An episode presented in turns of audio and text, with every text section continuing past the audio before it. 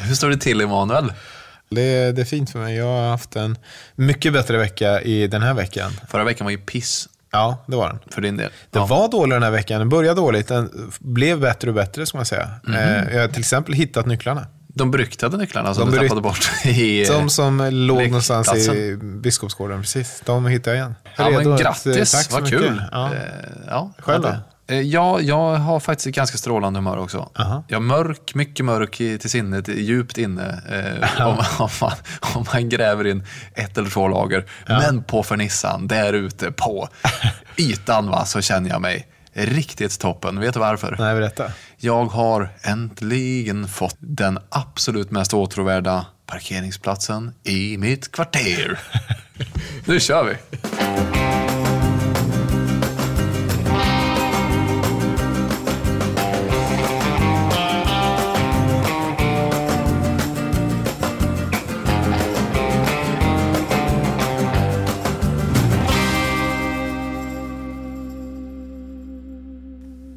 Nej, men som sagt, det har ju varit en trög start på veckan, får jag säga. Alltså, även om det slutat väl så har det varit en uppförsbacke. För att det här vidriga uppdraget som jag hade, som jag hade bakläxa på, har ju legat som en blöt filt. Du talar om faderskapstestet att ragga upp en främmande pappa. Mm, precis. det. Som... du misslyckades med första gången. Ja, Första veckan. Ja. precis.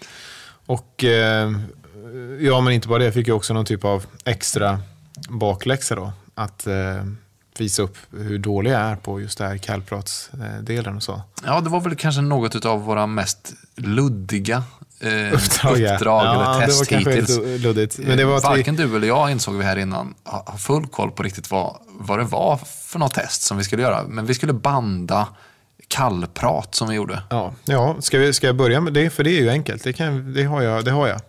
Du har det på... Ja, jag har på telefonen. Där ska vi plocka. Åh, spännande. Yes. Okej, men det här då, det är ifrån eh, ett eh, inomhuslek då. Och eh, jag eh, försöker helt enkelt ta kontakt. Det vi ska få höra nu, den, den drabbande scen ur verkligheten. Ja, kan- det, här är, det här är min vardag. hur den framgångsrika sociala medier-experten. Är social då, ja. Ja, Ja, ja, visst. en, en ren inblick då. Kalla, kalla vad du vill, nu lyssnar vi. Hej, hej. En bra start. Det är Batman som sitter här vid elden.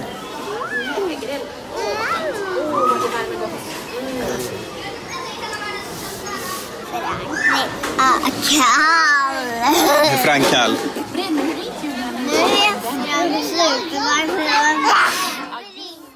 Så, så pappret att bara upprepa. Nu är jag kall. Nu är Frank kall. Hur gamla är de?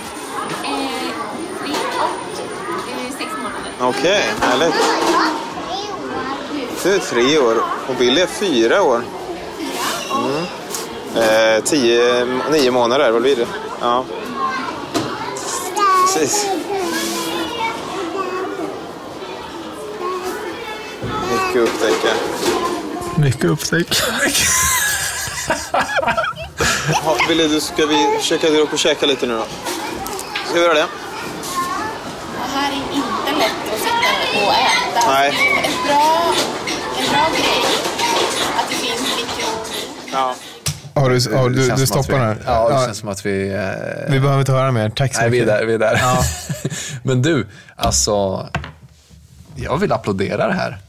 Applådera. Det, Ja, jag vill applådera ditt... Eh, alltså, du är så naken, du är så blottad i den här situationen. Men det är ju ändå något som nästan... Alltså, vad ska man säga? Ja, men majoriteten av våra mellanmänskliga interaktioner låter ju exakt så här. ja. Men Alltså- det är sällsynt att man får höra det. Att, ja, just att man, eller att man granskar det så här på något Ja, sätt. men, men exakt. För det, för det som händer är, det är att jag börjar och jag försöker, jag tänker vad pratar man om man tittar på barnen, det var två barn där då, så försökte jag fråga om ålder. Och det är precis som du säger, då bara upprepa det. Jag har inget nytt att tillföra. Där, Nej. Så att säga. Jag kommer inte vidare. mycket. Det, alltså, det slår Det inga gnistor. Och, och, och sen då, strax därefter, så bara har jag sån panik att jag tänker, nu är jag upp. Nu, nu, nu flyr jag. Eh, och koll på klockan. Det är lunch. Klockan är inte lunchdags. Det är, klockan är väl halv elva eller någonting. Ja. Eh, och jag vill bara bort liksom. Och sen så, då sträcker hon ut en hand där och Ja, men, frågar om någonting annat precis. Det var ju... Men då, då känner jag mig så dålig, så usel, så förlorad på något sätt. Att jag, jag vill bara, ja, ja, visst, visst, visst. Nu avslutar det här och så går vi bara bort. Och det är exakt så jag känner vid varje, alltså på förskolan, på alltihopa. Jag, jag har inget, har liksom inget att tillföra. Nej. Jag har inget att... Nej, för ska man vara ärlig, det var väl kanske fyra repliker in i samtalet som du kollade på klockan och bara, nej men, Ja, nej, men där. nu ska man väl kanske ta, äh, käka på lite lunch. Ja. Och det är ju inte en... Det, det är ju en dålig pappaegenskap då, när man ska hitta nya vänner till sina barn. Eh, då. Det ska inte vara för hård mot dig själv. Hur- Verkligen inte, för att eh, jag tror vi alla är så här. Det, det är bara det att eh, jag tror det är så här, när man har de jobben som vi har och har haft, Mm. när man har varit programledare till exempel, då blir man, alltså jag har märkt att det är en av eh, arbetsskadorna som man får, är att man blir väldigt besvärad så fort samtal trampar vatten. Ja, ja, ja. Mm. Man blir väldigt att det inte besvärad. finns en, en kärna eller udd eller en, Ja, att det inte precis. tillför någonting. Ja. Eh, och, och, och, ja, man blir väldigt nervös helt enkelt. Men de flesta människor är inte så. För de flesta människor så, så tror jag det här, och, och även för oss, det är bara det att vi går omkring och har ångest hela tiden. Ja, kanske det. När vi. Men du, du menar att det här, det här är, att, att känna ångest för det här, det är jättekonstigt? Det här, Jag så här tycker- pratar ja. folk? Ja, Och det- ja, det skulle jag nog säga.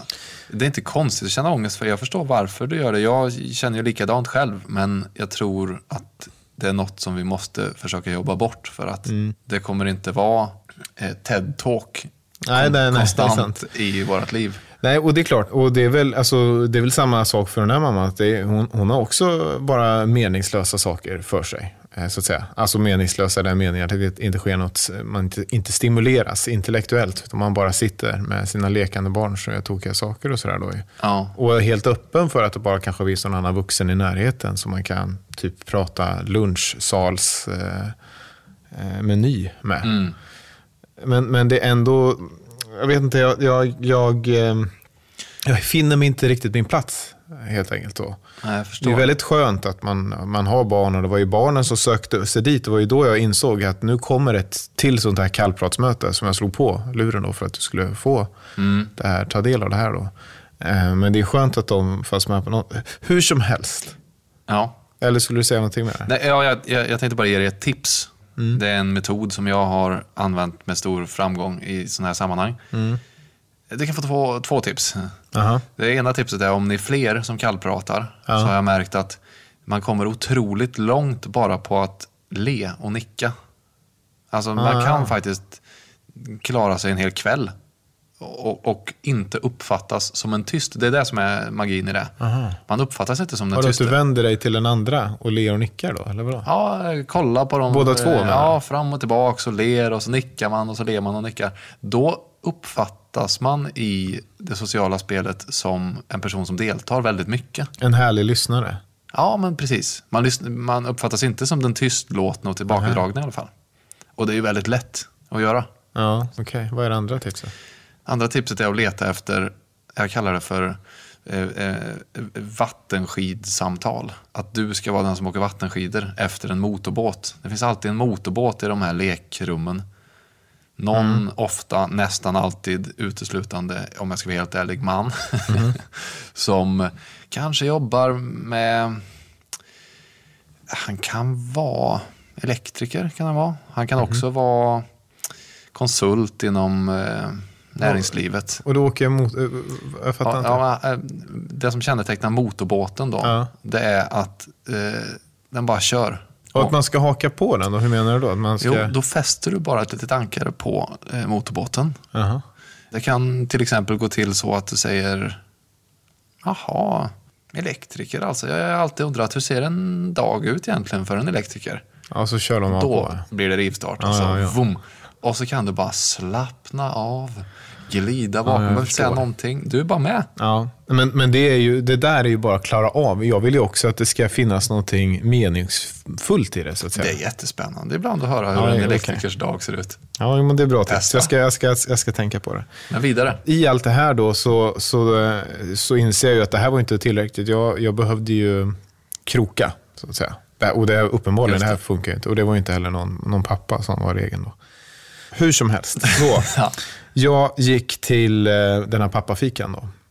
Och eh, hade... Eh, det började väldigt tidigt av någon anledning. Det var Billy på förskolan och Frank eh, sov då i alla fall. Så vi, Guldläge borde det ju ha varit på ett sätt då. Ja, visst. Och, eh, jag var lite tidig också, så jag fick liksom ta flera varv runt byggnaden. Eh, och då nej, somnade ju Frank. Ja, men det var lite jobbigt på ett sätt. Och så man tänka mycket vilka som är där och sådär. Och att nu måste jag fixa det här, för det här är ju, det blir ju otroligt pinsamt. Mm. Så kom jag in och tar mod till mig och går in i eh, pappafika. Ja. Och eh, ser att det inte alls är några pappor där. Eh, det är eh, tre mammor med sina barn. Och jag får bara panik alltså. Jag går in och jag vänder i dörren alltså. Alltså bokstavligen så här, alltså jag tar två steg. Så vänder jag dörren. Jag får full, total panik. Vad vi utsätter oss för. Och då, och då, för, för då, jag är så naken du vet. Frank sover så jag kan inte ta upp honom. Så att jag ser de här tre mammorna med sina krypande småbarn. Eh, och inser då att, att det som kommer hända nu det är att alla de... så fruktansvärt. Jag får ångest. Eh, Nej men gud vad jobbigt. Kan, kan du måla lite mer? Ja, men sen, alltså, det, som, det som händer då det är att, att då har de, då, det är ju i en liten källare då, så jag har gått ner en, en trappa så att säga. Mm. Ehm, och det är en korridor och så är det liksom en, en dörr, dörröppning där jag förstår att de är, för det hörs lite och sådär.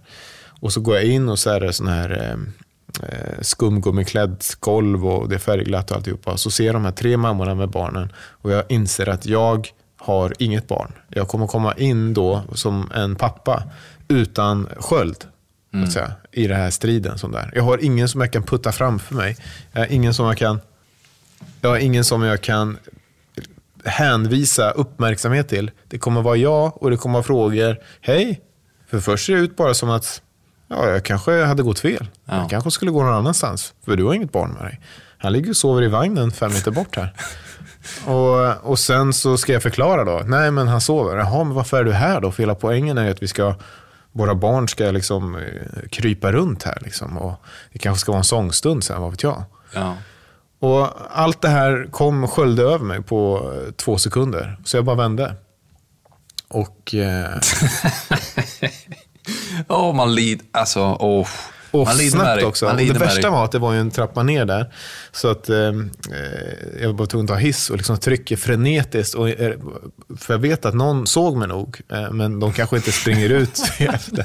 Så jag vill inte bli indragen igen. Nej. Nej, det, det, det, det, det gick inte. Jag, jag, jag ger upp, eller jag gav i alla fall upp där och kände mig som en idiot. Men det gick inte. Jag kunde inte vara i det där rummet med tre mammor och barn och jag har ingen och bara sitter där. Vad ska, bara, hur sitter man ens med tre mammor som har ett barn och jag har inte har ett barn? Sitter jag på golvet då också och leker lite med deras barn? Det. Gör den på tok för stor. Alltså, ja, det här är ju att gå... Jag aldrig... Det är så olikt dig att göra en sån extremt stor sak av att gå till öppna förskolan. Det är väl inte hela världen.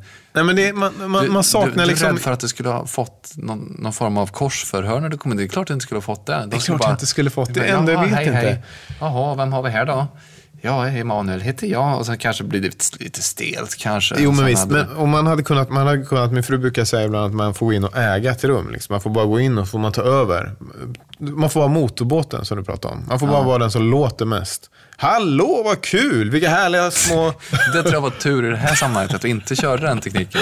För då hade det varit konstigt att vi inte hade haft barn. Då hade det varit som en eh, psyksjuk vaktmästare ungefär som kommer in och...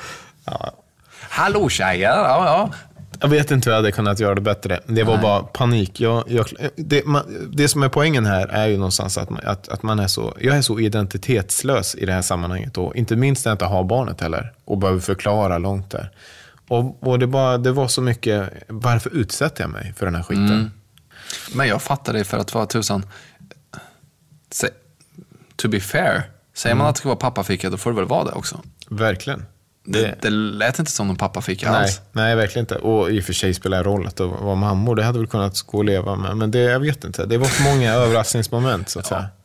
Nej, jag tycker... Jag, vilken guldvecka har du haft hittills? Men alltså. nej, nej det, är inte, det är inte över ändå. För att, eh, ja, dels så fortsatte jag under dagen där och gick på babysim. Du var ju i Stockholm här, så att jag fick gå på babysim ensam och tänkte där har jag ytterligare en chans. Mm. Och faktum är att då inser jag nu när vi sitter här, då klarar jag av kallpratet. Jag, vet, inte, jag blev triggad av min egen sopighet. Så att du vet, i det här omklädningsrummet som är så tyst hela tiden. Efter, när vi, jag klar, vågar inte på vägen ut, men på vägen upp ur badet. Så snackade jag loss med alla pappor i rummet. Okej. Jag tog på mig, jag gick in och ägde rummet. Mm. Gjorde jag.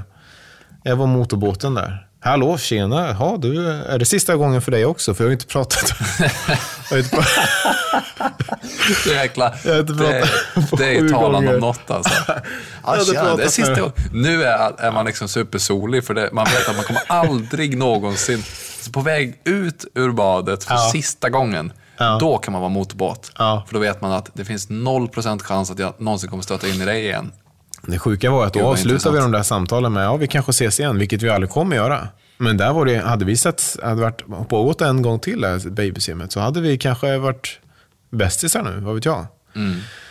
Hur som helst, jag, insåg ju de här eh, sakerna och hur dålig jag var och framförallt att jag inte har någon tid kvar. Så då backade jag tillbaka till min plan eh, B eller C. Eller, eh, jag tog till mitt, ja vad säger man, nöd...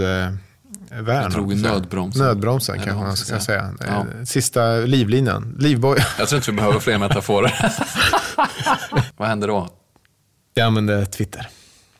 Ah, Jag vet inte Ja, om det det här är fusk. Men, Nej, det men, okej. men för att det handlar om att komma i en social kontext där jag känner mig bekväm igen då. mm, Och där vet jag hur man för sig. Jag vet hur man pratar på internet. ja. Så om vi, om vi tar hela metaforen att allt här är en ny datingmarknad och så vidare, så är nätdating verkligen för mig. Allt jag behövde göra var att kasta ut en lina. Är det någon som är pappaledig i Göteborg? Tre svar direkt. Mm. Så eh, svarade jag, eller, och då var det också lite jobbigt, för jag ville ju inte säga så här att hej jag är ensam pappa, ensam pappa söker ungefär. Så jag fick liksom lirka lite kanske och sådär. Men de var ju lika lirkande de, för de var ju också ensam pappa som sökte. Så, eh, så en kille som hette Linus eh, svarade sa, kom till Öckerö och ta en kaffe. Klart jag kommer till Öckerö. Kan du på eh, fredag? Ja, visst, sa han. Och sen var det inte mer. Så åkte jag bara till Öckerö. Tog med mig båda barnen i bilen eh, och åkte till eh, Öckerö. Linus på Öckerö. Var, var det nervöst? Ja, men det var inte nervöst, för att det var en kontext jag var, var trygg i.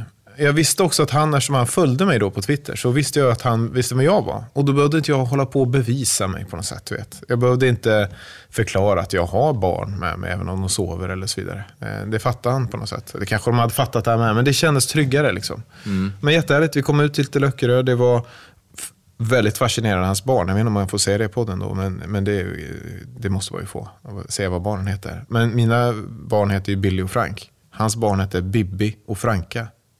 Okej. Visst är det fascinerande? Ja, det är fascinerande. Bibi och Franka, Billy och Frank. Du minns Vad hände? eh, han Karl Johan som jag träffade. Ja. Min, min dotter heter ju Alba, Alba. hans dotter heter Ada. Ja, men vad är detta? Det här är obehagligt. ja, men det är lite obehagligt faktiskt. Ja. Han hade sex barn. Han hade två hemma nu då, som han bor hemma med. Men han hade sex barn. Alltså, Oj. otroligt eh, imponerande. Sex barn. Ja, men det var jättetrevligt. Det var inga konstigheter alls. Han bjöd på fika. Vi hade med oss hallongrottor. Ehm, Billy tyckte det var fantastiskt. De hade dvärghamstrar, två stycken. Billy älskade dem. Frank klättrade upp och ner. Han var van pappa, och tog hand om dem och det var inga konstigheter. Det var en, det var en väldigt fin... Vi kommer säkert träffas igen. Och då kände jag allt självförtroende bara kom tillbaka direkt där. Varför ska jag ut och harva i sociala sammanhang som jag inte förstår och som jag inte kan? Liksom? Allting. Det skulle finnas en, en pappa-dating-sajt som var lika välstrukturerad som dating-sajter. Jag hade varit så bekväm. Och Ingen hade behövt gå, gå i, på öar här på, i Majorna. Det finns ju. Jaha, Puttavagn.se eller vad den heter. är det sant? Ja, Jag har aldrig hört talas om. Vi kanske får testa den någon gång. Ja, jag vet inte. Ja, Men hör du, Hatten av alltså. Ja, du tyckte det var bra? Ja, det var, du, du har klarat uppdraget. Ja, jag känner att jag verkligen har, jag har lyckats. Nu gör vi aldrig det här igen. Aldrig någonsin utsatte jag oss. Det här var inte någonsin. njutbart. Min Nej. pappaledighet försvann. Jag bara gick runt i ett tucken. nu är det slut.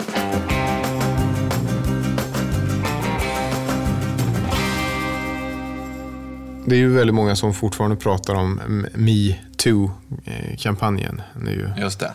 Och det svåra är ju att man ser inte riktigt någon väg ut i det. Alltså, anledningen att det har kommit upp så här, det är ju för att det är kvinnor som känner att de inte haft något annat val än att berätta det så här. Det är ju inte så att de inte har försökt andra vägar. Att de inte försökt att polisanmäla först eller försökt att gå till någon chef och, och liksom prata om det den vägen och få upprättelse eller rättvisa den vägen. Det här det är ju att man har försökt, oftast i alla fall, alla vägar. Mm. Men bara konstaterat att ja, det rådande rättssystemet inte riktigt räcker till. Så, precis så. Och det, det är ju liksom en bidragande del i allt det här som, som också känns att, alltså vad är, ut, vad är utvägen då? Vad, vad, vad ska vi göra? Politiskt, är det strängare lagar liksom, eller det man kommer till, det det kokar ner till är ju att det handlar om, om oss egentligen. Vi, du och jag. Alltså kultur, eh, strukturella saker, alltså hur, hur samhället är uppbyggt och, och hur det belönas och vilka som belönas och så vidare. Om man får hoppas att det här leder till- någonting så är det väl det att vi män nu står inför ett, en, att det är någon form av kritisk massa här. Vi står inför ett beslut, ett vägval som vi måste ta. Ska vi fortsätta att upprätthålla de här strukturerna? Ska vi med vår jargong, med vårt beteende och med vår inte arbeta för en förändring? Eller ska vi, är, är det nu liksom riktig förändring sker? Och då, då måste den ju... Men det är så svårt för det är ju så lätt att säga de där sakerna. Och det är så väldigt... Jag hade en kompis som ringde mig och, och frågade, eller vi började prata om allt det här och, och vi började tänka på de här sakerna också. Så att säga, är det någon som skulle kunna uppfatta något som vi gör liksom som, som, att, som ett ja, övergrepp? Det låter så hårt att ta i, men överlag, överhuvudtaget. Och han berättade om hur, hur han tänkte på hur, hur han och hans kompisar smsar varandra i sådana här sms-grupper. Typ. Hur de kan ha en rå ton och jargong mot kvinnor. Eh, att man skämtar grovt, liksom, eller använder grova ord som man aldrig hade använt annars. Liksom. Men att det finns en sån omklädesrum jargong, eller vad ska jag säga. Är det samma för dig? Nej, det är det inte. Ja, men, Jag känner igen mig en del i det, kan jag säga. Att inte- du, ge ett exempel. Nej men alltså i mina slutna chattrum, Ja. att det är en grövre jargong. Inte Ja. bara eh, mot det sexistiska hållet utan mot alla möjliga tänkbara håll. Mm. Alltså att det är en mer raljant, Ja, just det, att man tar ut svängarna ironiskt. Och, ja, som man faktiskt när man skärskådar det på det här sättet kan skämmas för lite grann. Men det kanske är det han gjorde då. Och det kanske är att jag inte reflekterat över att jag har några sådana. För det har jag säkert. Att, jag, att man eh, eh, ironiserar på något sätt. Men eh, poängen är i alla fall att även de, de små sakerna, de sådana saker. Och det kan ju kännas, när man lyssnar på så här, kanske väldigt ytligt att börja alltså landa där. Men det har ju liksom sina strukturella problem det också. Alltså vi, att, man, att man godkänner den typen av skämtande. Eller allt från eh, att man godkänner att eh, söner på förskolor bråkar sig till närhet med, med andra. Eller som man Mm. brukar säga, vad är det man säger det här? Att man bråkar. Kärlek börjar alltid med Kärlek börjar alltid med bråk. Åh, herregud alltså. det är faktiskt, när man tänker på det, det sjukaste Ja, ja men verkligen. någonsin. Kärlek börjar alltid med bråk. Nej, eh, jag jobbade ju tre år på förskola och då hade vi ändå en sån feministisk eh, prägel. Och vi hade en hel del feministiska pedagoger som kom in och föreläste för oss och försökte hjälpa vår verksamhet att bli mer liksom, uppmärksam på de här strukturella grejerna.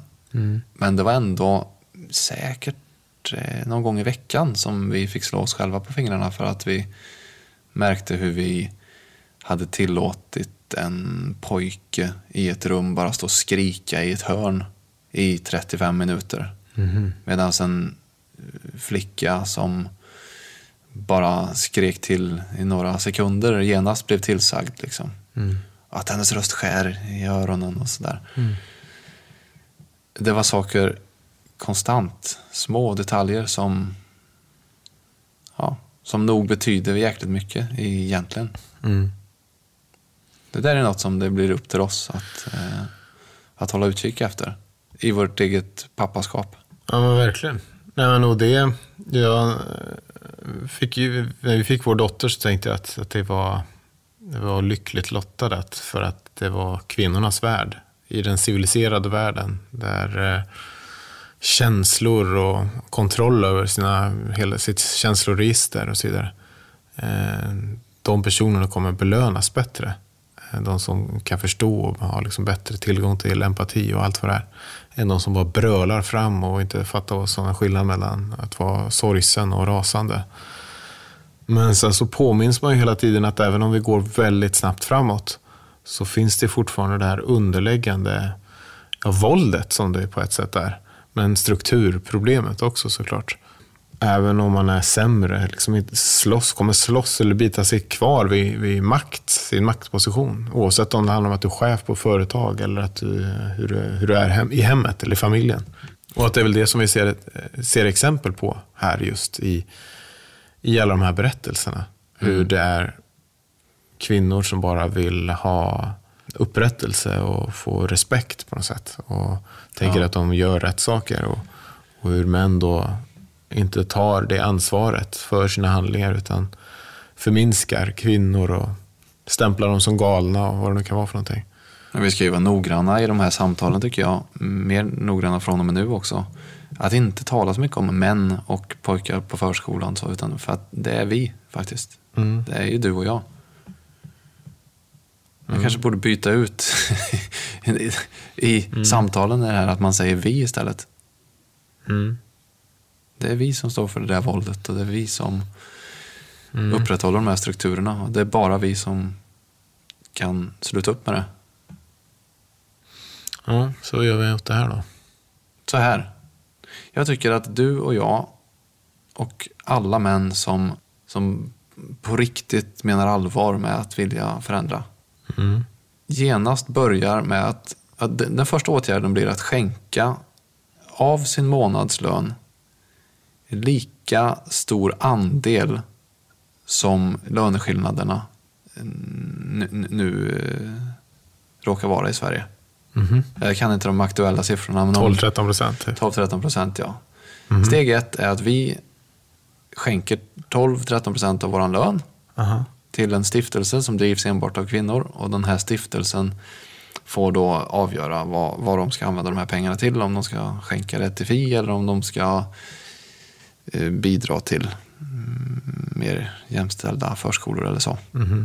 För, framförallt så tycker jag att vi måste, som män så måste vi börja göra åtgärder och handlingar utan att kräva eh, uppmärksamhet för det. Utan att föra fram oss själva genom de goda handlingarna. Jag är så trött på den, de goda handlingarnas män i offentligheten. Jag är verkligen, jag vill kräkas på det alltså. Och det är nog för att jag ser mig själv i det. Ja, Att- du att jag- sitter här i podden nu och pratar om fonden. Jag är ju det.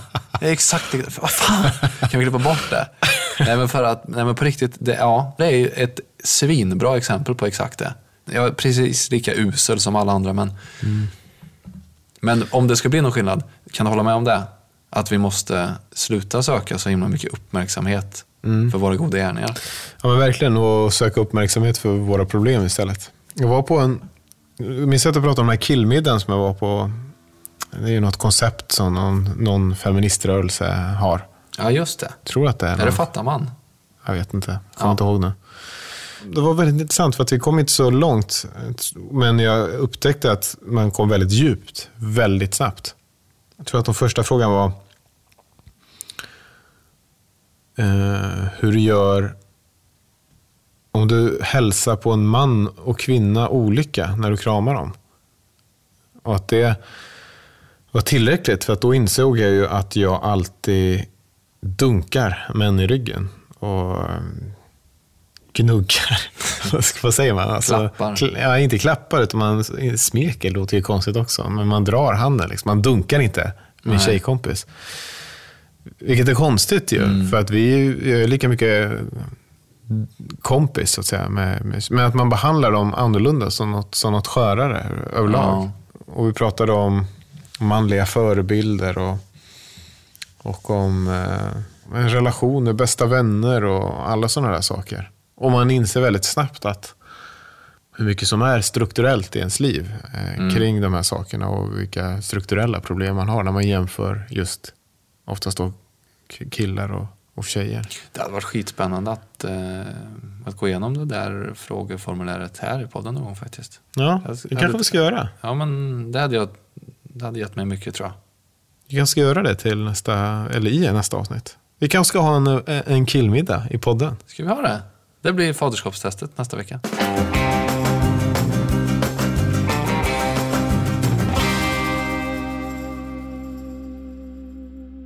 TCO är ju en av våra partners och angående hela metoo-kampanjen så har de eh, ja, men ett bidrag kan man väl säga. För vi pratar mycket om ansvar, eh, vilket ansvar män har, eh, vilket ansvar samhället har och så vidare. Men företag har ju givetvis ett väldigt stort ansvar. Det är ju på, på arbetsplatser som många av övergreppen sker. Mm. Oh ja. Och det är även där maktstrukturer kan upprätthållas enklast nästan.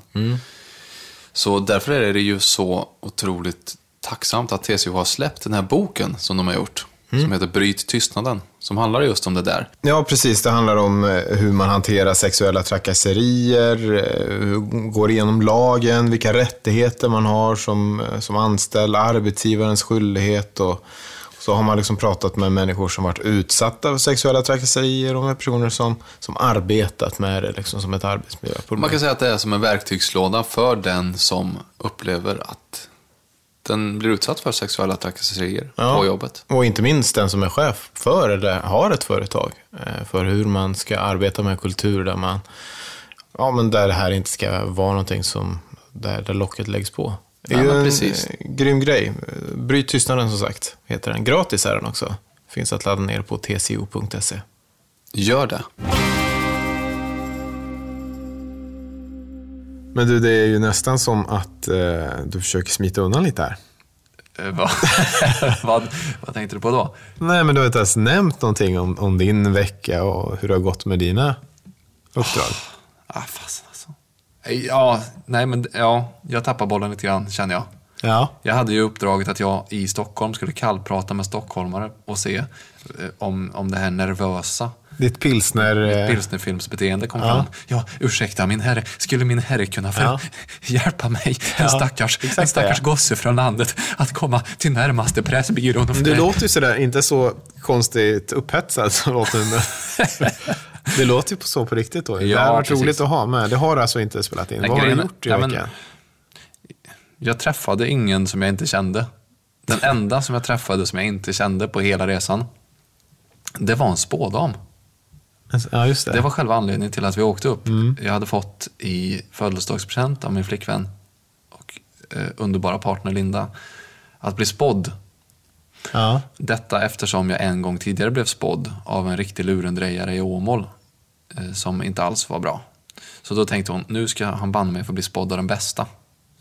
Så hon tog mig till den bästa spådamen i Sverige. Men, och, men spå, du, du är, eh, det här konceptet med att spå och så, det är du helt fine med? Nej, Okej. nej, men nej det, det ska jag villigt erkänna att jag inte är. Eh, Jag, eh, jag vet inte om jag tror på det. Jag, det är klassisk svensk inställning. Jag vet inte, men man vet ju aldrig. Fast jag vet inte, fan, man, man vet ju aldrig. Den där Okej. dragkampen. Ja. Men samtidigt så är jag väldigt, alltså jag mår generellt sett ganska dåligt. Har gjort det ett tag. Aha. Jag har, har ett stort behov av att prata med någon. Så du tänkte att det är en terapitimme? Liksom. ja, och, ehm, och sen så vill jag hedra min mamma också som trodde väldigt mycket på det. Aha. Och hon gick ju bort när jag var ganska ung, i 16. Mm. Hon testade massa alternativa behandlingsformer till, hon dog i cancer. Aha. Så tänkte jag att det var en fin koppling mellan, alltså det fanns en brygga mellan henne och mig då genom att göra detta. Ah, ja. Kände du det då? Och, och också att jag skulle ta det på allvar för hennes skull. Ja. Vilket jag gjorde och jag måste säga att jag kände den här spådamen, hon hade ett väldigt högt tempo när hon talade. Aha. 35-40 procent av det hon sa var spot on. Helt, ja, rakt in i kärnan. Aha. Ehm, 45-50 procent var ehm, nej, svävande, kanske inte riktigt där va. Nej. Och sen resterande procent var helt uppåt väggarna, totalfel. Aha. Och då kan man ju såklart om man är logiskt lagd kanske känna att ja, hon testade liksom och hon, Och god människoläsare Ja, till den grad att precis, fick dig ja. att känna... Ja, och Ja. hon körde en del generella grejer och sen så när hon märkte att, att det flög så gick hon lite, så, ja men det finns säkert många metoder men jag var inte intresserad av att analysera det utifrån det. Jag var bara intresserad av att känna mig lycklig och hjälpt och sedd och hörd. Okej. Och det kände jag mig verkligen. Alltså jag, det här var som en terapisession på speed alltså. Ja. Ja, har du något... För att, eh, ja, men, nej, ja, jag, jag, jag, jag ska spela upp ett klipp. ja. Eh, Det är ju inte kallprat. Nej, det kan jag säga. alltså, För att jag, men däremot så kallpratar jag med henne. Och jag spelar in det också. Men det känns inte kul att spela upp i podden för det var bara helt vanligt kallprat. Ja, det är inte pilsner Rasmus. Nej. Men eh, när man går till en terapeut Ja. då, då får man, det, det är ganska mycket krav då. Man, man ska lösa saker själv. Terapeuten lyssnar mest. Och man ombeds att gräva i sig själv. Och det är lite stökigt och det är lite jobbigt. Och det är väldigt ansträngande. Det här var alltså en människa som talade med änglar. Som tog änglarnas hjälp. Ja. Och det var var något helt annat. Alltså det var sån eh, kick för mig. Du kunde luta dig tillbaka bara. Ja, jag bara tidigt så bestämde jag mig för att idag så litar jag på änglarna. Idag så lyssnar jag på änglarna. Ja. Och änglarna sa att det skulle gå väldigt bra för mig 2018. Änglarna sa också till mig att jag hade träffat en kompis som jag hade börjat samarbeta med och det gjorde mig lycklig. Jag tror änglarna talade om dig. Ja. Ja. Och änglarna sa att oktober var en väldigt stark månad för mig. Stark månad. Men sen bad jag henne och änglarna att eh, lägga lite tarotkort på Alba. För hon var också med. På henne, inte på hennes kropp eller? Nej, man lägger ju man lägger kort på, män, på folk. Aha. Man säger, ja, vill, ja, så jag bad henne att lägga på Så mamma. man sätter pengar på något, vad håller på att säga. Ja, och så lägger hon upp massa tarotkort och så ser hon, ja, här ser jag den här och den här Okej. saken. Så jag, jag bad henne att lägga på två personer då, utöver mig själv. Och det var mamma.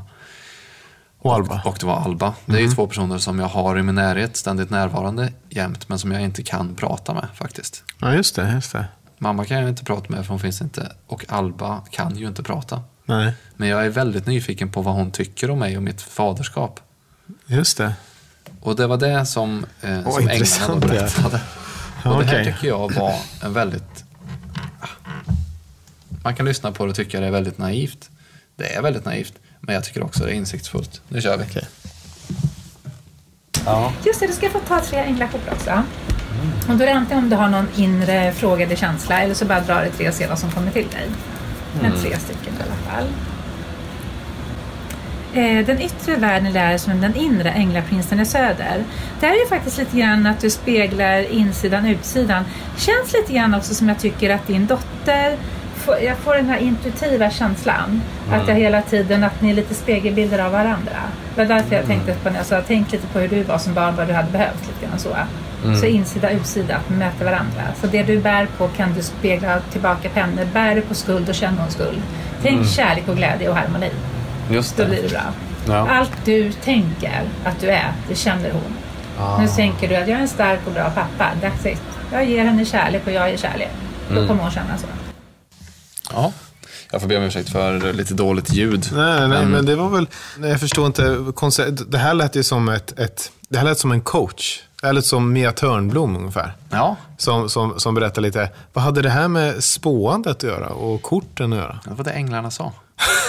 Var det det så? Hon fick, hon, hon fick, det här var änglarna som talade genom henne nu då?